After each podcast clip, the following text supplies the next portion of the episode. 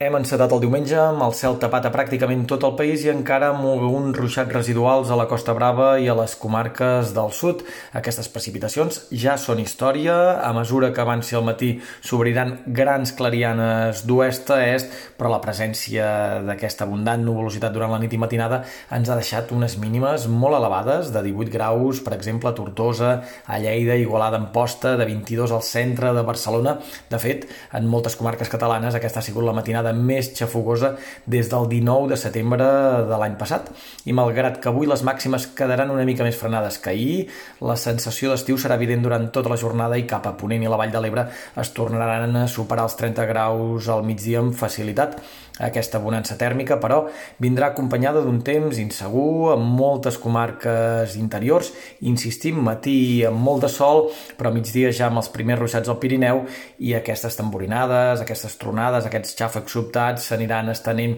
a moltes comarques interiors, especialment de la meitat nord del país, a mesura que avanci la tarda, també pot ploure amb certa intensitat a l'entorn del massís dels ports. De cara als propers dies, amb els mapes de previsió a curt i a mitjà termini sobre la taula, tenim clar que el sol no s'imposarà d'una manera més o menys clara abans de 7 o 8 dies, però que l'ambient d'estiu ja no ens abandonarà i que tot i que no esperem cap gran calorada, les temperatures diurnes d'entre 25 i 30 graus estaran a l'ordre del dia fins al pròxim cap de setmana. L'inici del mes de juny, insistim, vindrà marcat per un cel variable i per uns ruixats que pràcticament cada tarda regaran algun punt o altre del Pirineu, però que difícilment s'estendran més enllà de la serralada. Ara mateix sembla que dimarts seria la jornada més insegura de la setmana i que cap a Ponent i fins i tot en alguns trams de costa ja de cara al vespre es podrien escapar també algunes gotes.